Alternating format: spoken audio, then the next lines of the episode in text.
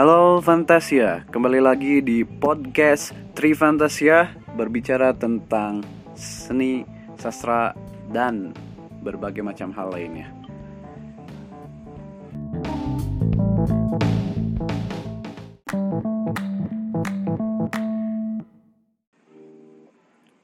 Oke, pada kesempatan kali ini di EP ke-7 kita akan berbicara tentang pernikahan guys. Kita akan ngomongin pernikahan karena belakangan ini ada banyak teman-teman saya yang meminta untuk membicarakan tentang pernikahan.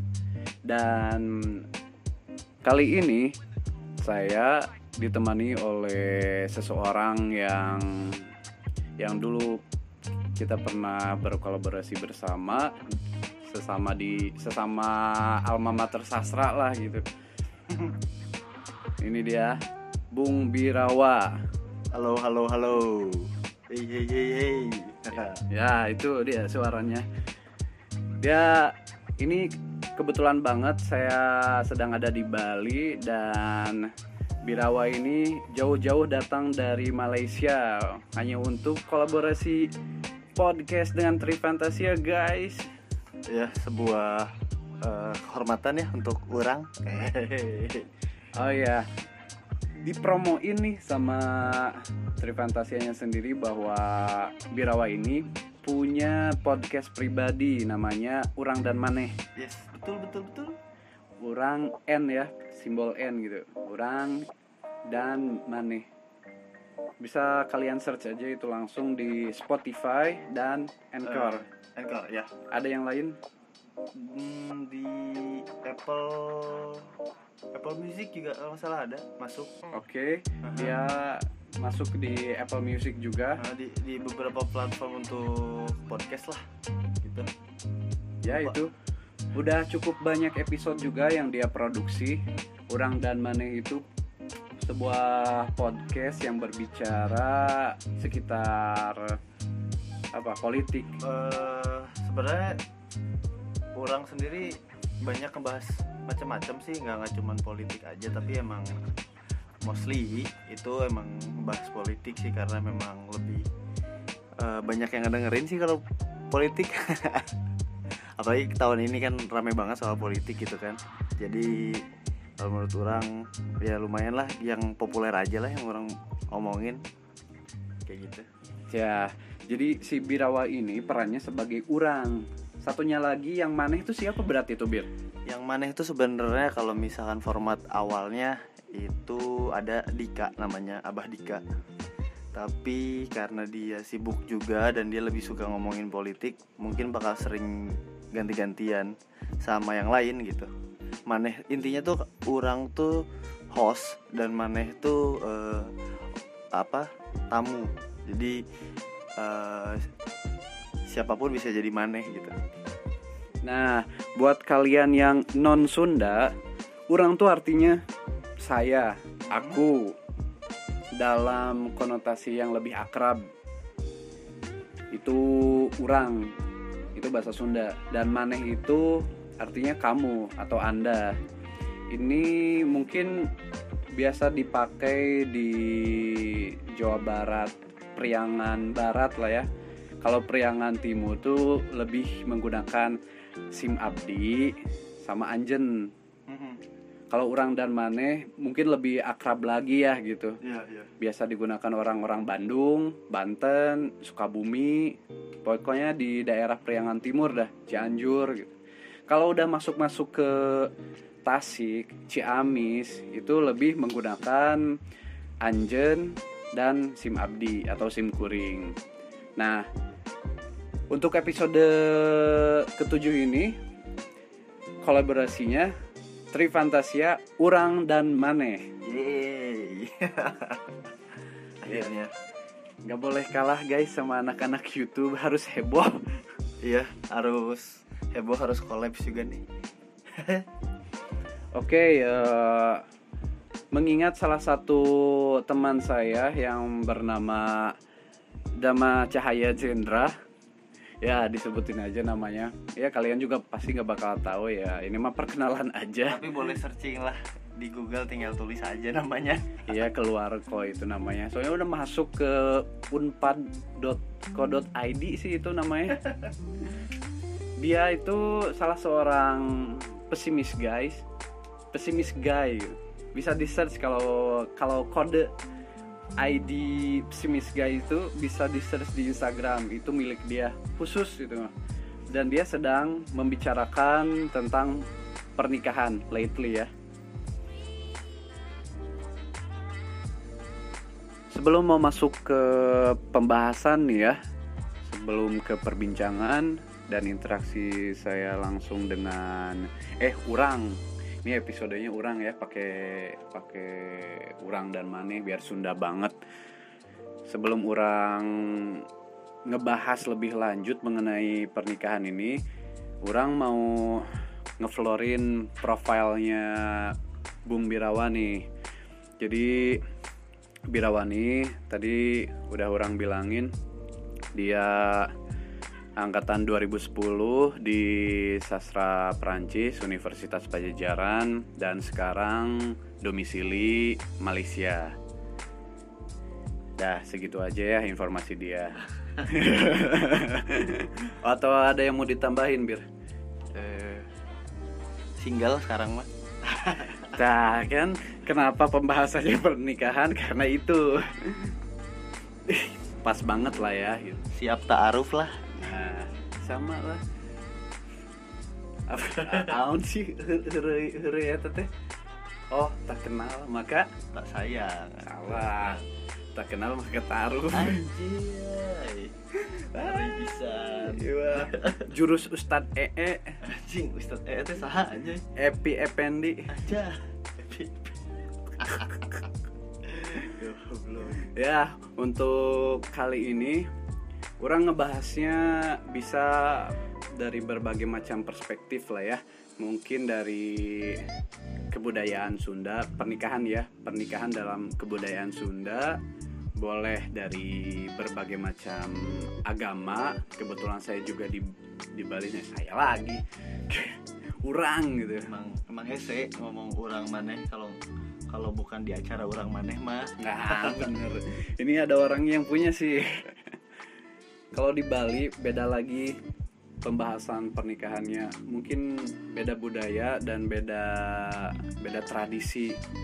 Atau kalau dari per- perspektif Islam bagaimana gitu. Oke, kita bahas aja sekarang. Kenapa Bir kurang sama Maneh ngebahas ini? eh penting sih menurut orang ngebahas soal pernikahan ya kayak se, se- setiap orang tuh tidak mau kesepian intinya mah tidak mau hidup sendiri kan. Eh, mau orang semandiri apa pun pasti membutuhkan seseorang di belakangnya. Ini terlepas dari peran laki-laki atau perempuan ya. Misalkan perempuan yang mandiri biasanya dapat eh, suaminya tuh yang yang memang jadi support gitu. Nggak nggak nggak yang ada di depan gitu atau kebalikannya yang banyaknya sih emang laki-lakinya yang lebih maju di depannya kayak gitu Oke ya. Biar begitu in- intro dari pernikahannya, pernikahan dari sudut pandang Birawa. Menurut orang sih, kenapa saat saat ini kita ngebahas tentang pernikahan ya karena Mimin Tri Fantasianya aja nih udah waktunya gitu loh. Lagi memikirkan ke arah sana gitu. Jadi sebenarnya itu curhatan dari eh, Trifantasianya sendiri sih sebenarnya. Eh, karena udah lama sendiri gitu kan kayak aduh butuh seseorang nih gitu kan. Kayaknya capek gitu setiap setiap kali bikin puisi bikin seni yang ujung-ujungnya cuma bullshit gak ada arti gak ada makna gitu mending ngobrolin yang begini jadi kebayangkan mana kebayangkan masa depannya kayak gimana gitu kalau misalnya ini semacam planning gitu. Mhm. ya betul planning ya mau nikahnya kapan aja mah tergantung timing juga kadang ada yang nikah cepet kadang ada yang nikahnya lama gitu kan kadang ada yang hamil dulu baru nikah gitu kan. Atau ada yang ada yang udah nikah tapi nggak hamil hamil istri nggak punya anak gitu kan. Macem-macem itu yang mau kita bahas. Jadi menurut orang eh, orang sendiri banyak eh, ngobrol ya soal pernikahan juga selama orang tinggal di Malaysia gitu. Yang menarik menurut orang sebenarnya dalam pernikahan di Malaysia itu adalah ada yang namanya les menikah sebelum menikah Wah itu kayaknya menarik tuh sampai ada les segala. Maksudnya tuh kayak semacam taarufan gitu atau gimana biar? Enggak, jadi kalau di Malaysia itu sebenarnya peraturan wajib dari kerajaan kan di sana disebut pem- bukan pemerintah di sana mah disebut ini kerajaan. Jangan-jangan masuk ke Perda Aceh juga nih. Enggak, enggak. Boleh boleh boleh kami gitu. Enggak, bukan, bukan boleh poligami. Justru yang uniknya gini, jadi ya semua orang ya bebas mau cari pacar sendiri atau cari calon sut sendiri atau mau mau dikenalin sama orang tua atau apa pun lah itu. Tapi ketika mengurus administrasi pernikahan di sana, mereka itu harus namanya les menikah dulu kayak gitu. Nah, les menikah tuh ngapain aja? Pertama, laki-laki calon kedua calonnya tuh harus datang ke satu eh, ke, ke- Kementerian Agama kan di bawah Kementerian Agama juga kalau nggak salah pernikahan teh eh sipil catatan sipil gitu dalam negeri di sana. Nah, jadi ketika mereka mau dapetin eh, apa buku nikah atau mau mau menentukan tanggal Nah, mereka ini harus ikut les kayak gitu. Nah, lesnya tuh apa aja isinya? Ada isinya adalah hak-hak menjelaskan tentang hak-hak dan kewajiban eh, suami kepada istri dan istri kepada suami dan kepada anaknya nanti gitu loh. Nah, ketika mereka udah lulus eh, kursus itu les itu, ya udah mereka baru boleh ijab kabul kayak gitu. Oke oke, sangat menarik sekali itu apa ya sistem ya sistem pernikahan dari apa ya dari organisasi organisasi wah ini gara-gara kecampur-campur bahasa Perancis sama bahasa Inggris di otak saya jadi begini nih. Apa di Malaysia berarti udah lumayan maju ya ingin eh, ingin mengatur masyarakatnya sedemikian rupa supaya supaya baik ke depannya lah itu. Itu ya demi masyarakat lagi itu semacam mengayomi rakyat gitu ya. Dan oh iya biar ini ada pertanyaan nih. Kalau di Indonesia nih saat ini lagi ngetren ngetrennya nikah muda nih di Malaysia gitu juga nggak eh kayaknya mah sama ya kalau misalkan masalah tren nikah muda nikah muda gitu banyak juga kok. Kayak postingan-postingan dari kelompok-kelompok hijrah hijrah yang begitulah pokoknya tentang nikah apa apa manfaatnya nikah muda dan segala macam. Tapi sebenarnya itu ada banyak cuman kalau dari segi eh, apa namanya sosial eh, orang-orang anak-anak muda di maksudnya anak-anak muda tuh yang baru lulus kuliah terus baru kerja baru di baru masuk di kerjaan yang pertama atau lagi lagi nganggur dan cari kerja eh, mereka tuh justru nggak mikir nikah dulu. Dalam artian gini nggak nggak mikir nikah dulu. Ini mostly di Kuala Lumpur ya kota kota besarnya ya. Eh, kalau misalkan di kota-kota kecil atau daerah yang lain nggak tahu. Cuman rata-rata anak muda di eh, Kuala Lumpur itu mereka lebih mikir eh, nikah pakai biaya sendiri. Maksudnya mereka tuh tetap mikirin eh, ah orang pengen nikah berarti orang harus kerja. Nah mereka ngumpulin uang dulu setahun dua tahun sampai ya paling maksimal biasanya tiga tahunan. Habis itu mereka baru nikah gitu. Mereka nggak langsung yang jatuh cinta terus ngerasa cocok terus bulan depannya langsung nikah itu jarang terjadi di sana mereka lebih berpikir realistis Wah, iya iya iya benar-benar menarik juga tuh. Jadi ini udah bukan sudut pandang cinta monyet atau pacaran gitu ya Bir. ya? betul, ya betul banget kayak gitu Eh, rata-rata sih ya apalagi eh, teman-teman kantor orang sendiri emang semua kayak gitu kayak mereka udah pacaran sama pacarnya tuh lima tahun enam tahun. Dari dari zaman mereka masih kuliah gitu itu mereka belum nikah nikah sampai sekarang karena apa? Karena uangnya belum kekumpul karena di sana pernikahan tuh resepsinya dua kali.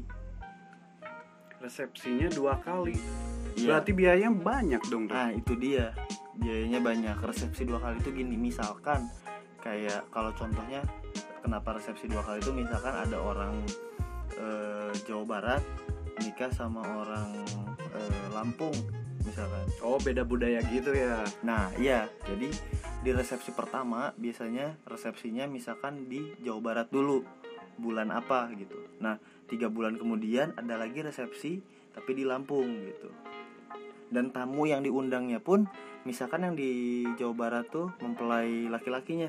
Nah itu yang banyak diundang adalah teman-teman kolega sama eh, tetangga-tetangganya si mempelai sama ke- dari keluarga mempelai laki-laki semua rata-rata gitu. Sedangkan yang mempelai perempuannya nanti pas ada resepsi yang kedua di Lampung misalkan. Kayak gitulah contohnya. Oke oke oke.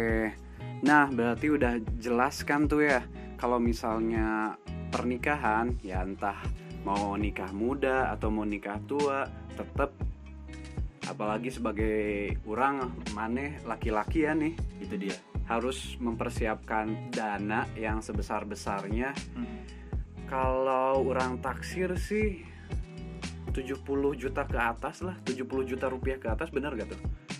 Eh normalnya sebenarnya lebih dari 70 juta gitu. Tapi ya 70 juta boleh lah. Segitu. Tuh kan 70 juta aja itu udah minimal tuh. Gak, gak tahu sih 70 juta itu dapat berapa gram buat mahar gitu. Apakah itu Ya kan sekarang gitu. Iya, iya. Nih, tapi sebenarnya yang mahal tuh bukan mahar.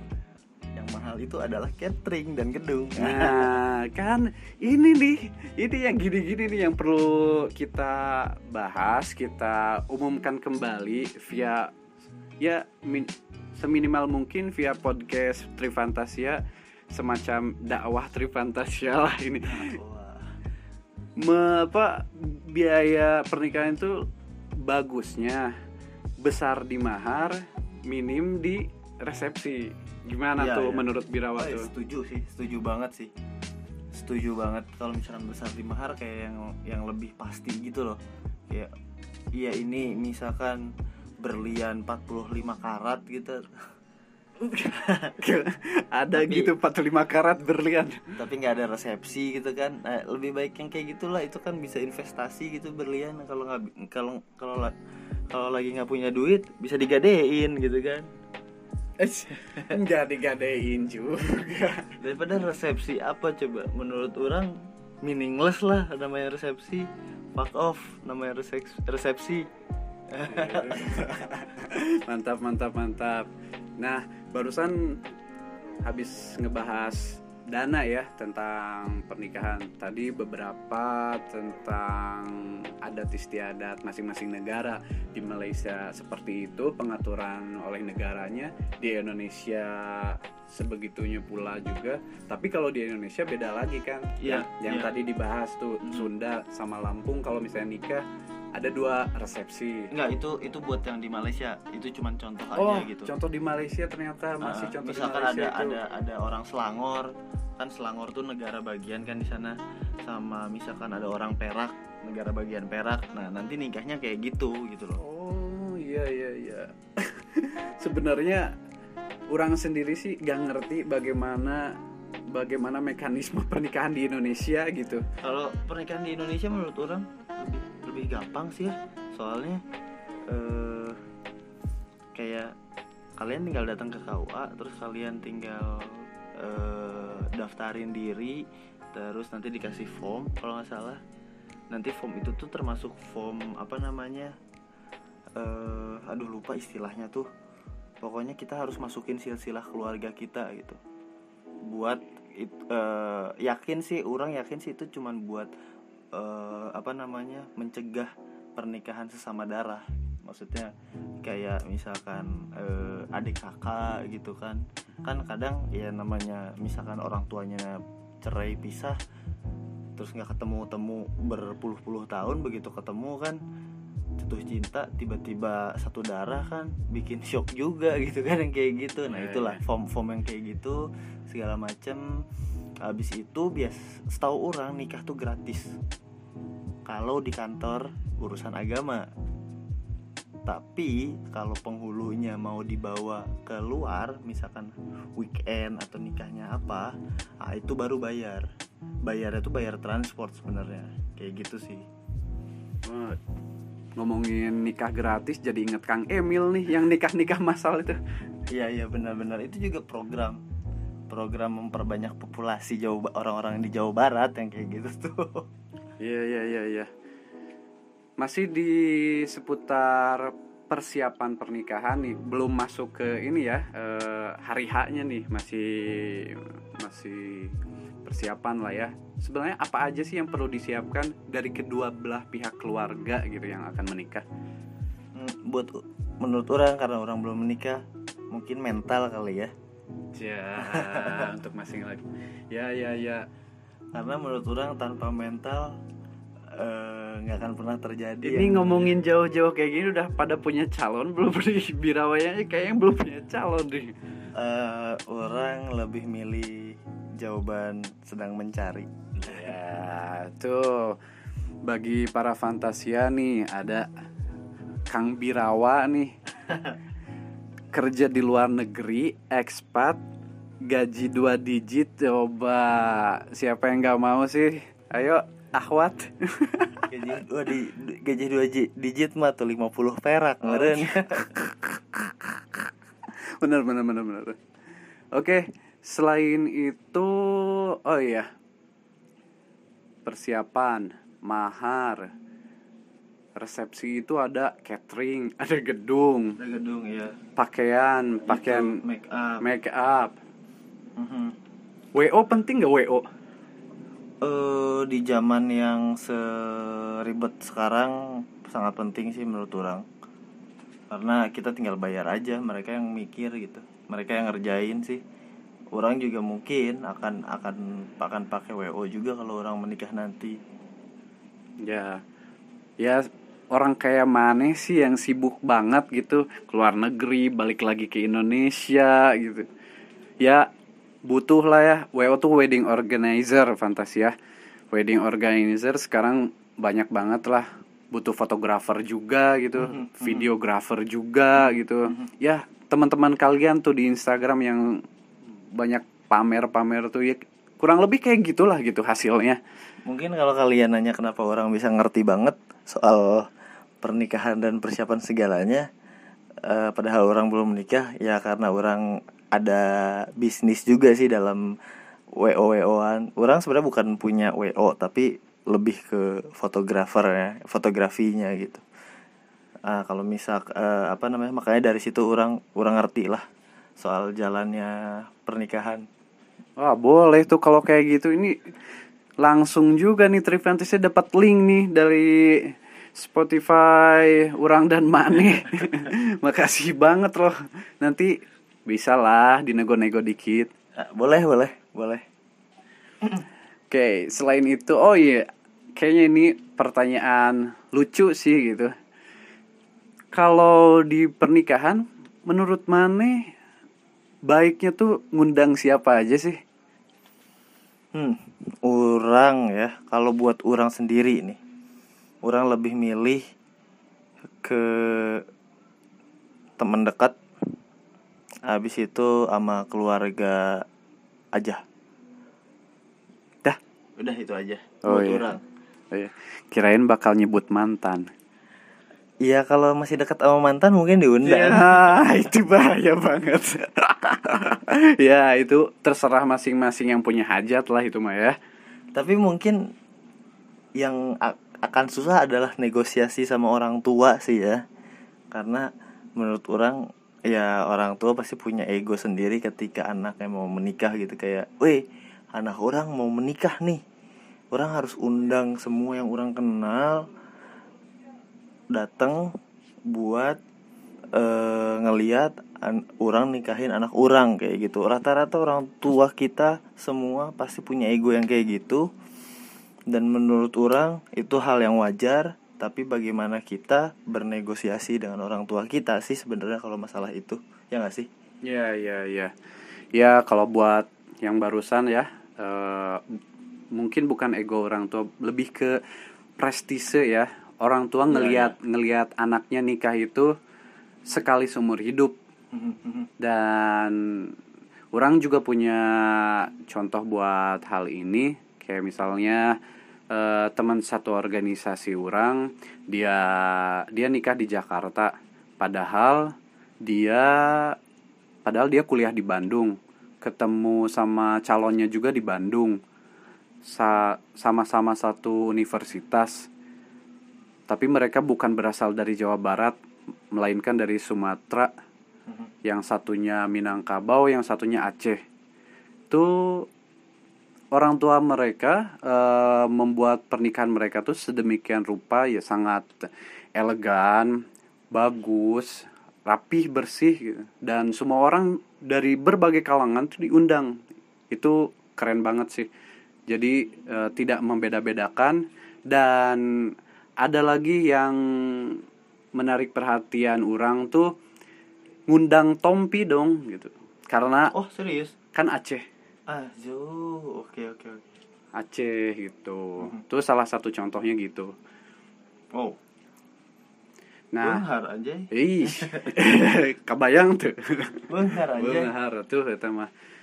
Nah berikutnya persiapan persiapan kayaknya habis ya. Habis sih persiapannya paling lebih ngebah mungkin mungkin akan lebih ngebahas soal individu soal gimana ya lebih lebih ke mentalite.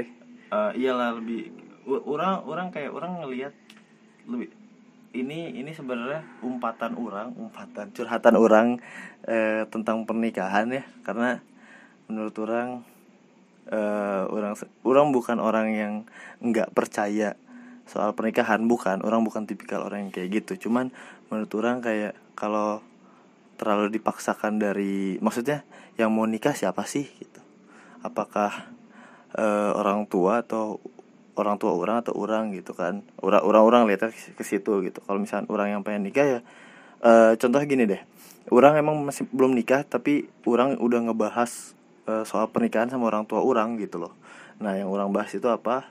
Yang orang bahas adalah orang bilang ke orang tua orang dengan eh, dengan berapi-api dan berani kalau misalkan orang mau kalau bisa sebenarnya orang nikah tuh di KUA keluar dari KUA habis itu makan bakso. Udah itu aja. Simpel itu yang orang pengen. Cuman kan itu nggak mungkin lah. Kayak eh akhir a- akhirnya orang ngomong ke orang tua orang orang mau nikah. Kalau misalkan nggak kalau misalkan orang mau nikah orang pengen cuman teman-teman orang yang diundang dan teman-teman orang tua orang orang bilang ke ke eh, abah orang orang bilang boleh undang temen eh, abah tapi nggak lebih dari 40 orang. Kayak gitu. Dan duit buat cateringnya abah yang bayar bukan orang. Orang bayar cuman buat teman-teman orang dan keluarga orang. Orang kayak gitu. Sekeras itu gitu. Dan orang tua orang ya masih belum bisa nerima karena nggak boleh ngundang banyak temennya gitu kayak gitu cuman kalau misalkan masalah keuangannya ya orang tua orang menerima itu gitu karena emang it's supposed to be like that gitu loh Oke, oke, oke. Oke. Itu semoga harapan-harapan Bung Birawa gila udah udah siap pisan ini mah. Udah siap dipanggil Akang gitu.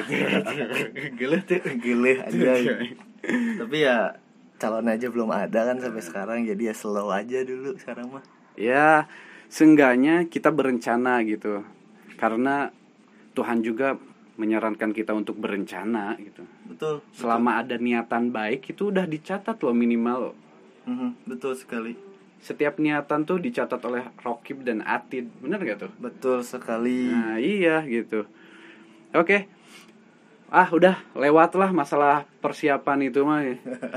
Nah sekarang kita mungkin akan ngebahas yang yang menarik lah dari hal pernikahan ini di hari H-nya.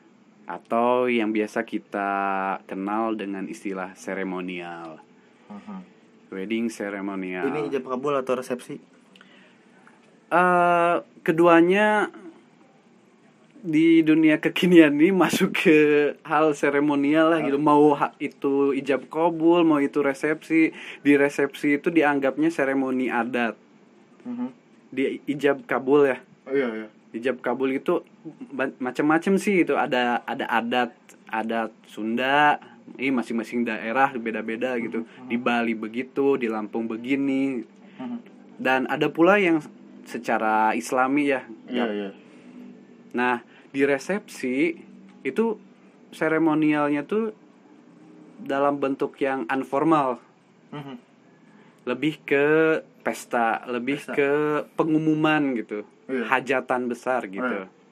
Nah, eh, sejauh yang orang lihat nih ya masalah pernikahan gitu. Kalau soal tradisi di adat masing-masing suku gitu, itu sangat variatif lah kita bineka lah Mhm, mhm. bineka banyak lah beragam budaya Betul. dan masing-masingnya itu unik gitu. Tapi dalam sebuah pernikahan tetap intinya tuh ada di akad. Betul sekali. Nah, di akad itu gitu. Kalau akad sih karena saya orang muslim gitu dan maneh juga muslim gitu. Mhm. Ya salaman terus ijab kabul. Betul. Simpelnya sih semacam eh, transaksi aha. ijab kabul tuh Iya iya transaksional banget.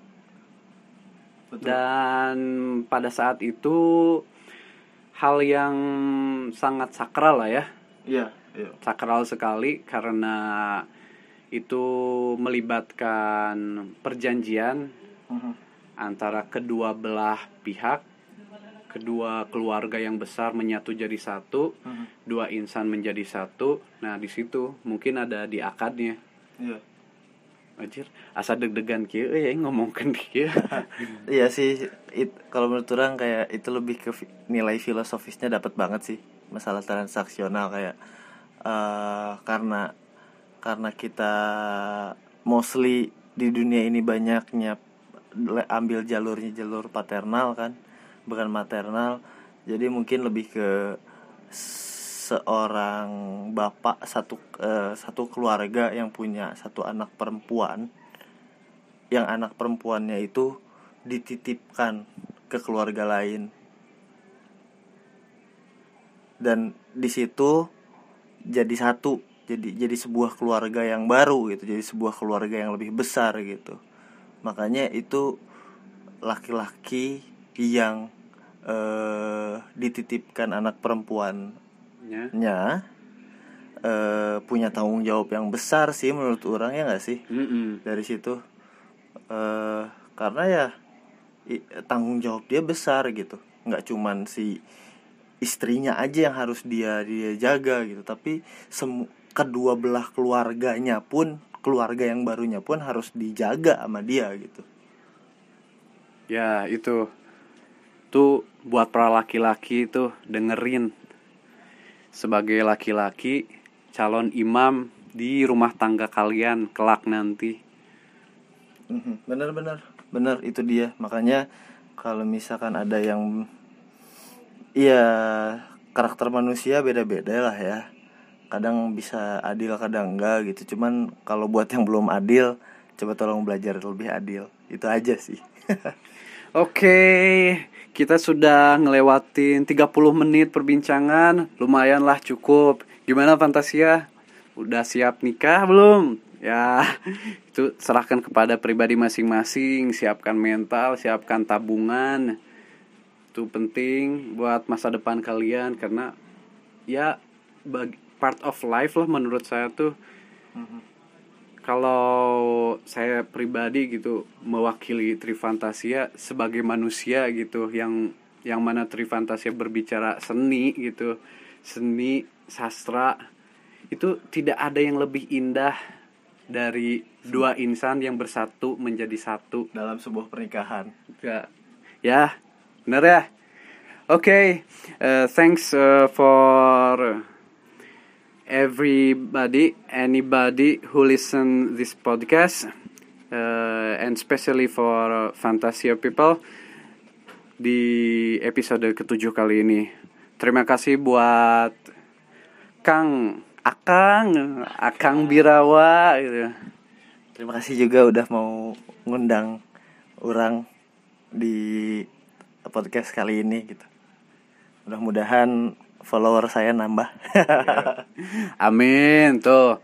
Fantasia dengerin Follow tuh. Search di Spotify. Urang dan Maneh jangan lupa. Oke dan tidak lupa juga Podcast Tri Fantasia ini Disupport oleh Tala Media Network. Yang di dalamnya ada Incorp Unpad Info ITB Info Nangor Info dan sekarang on progress Bandung Net. Oke, terima kasih dan sampai jumpa di episode berikutnya.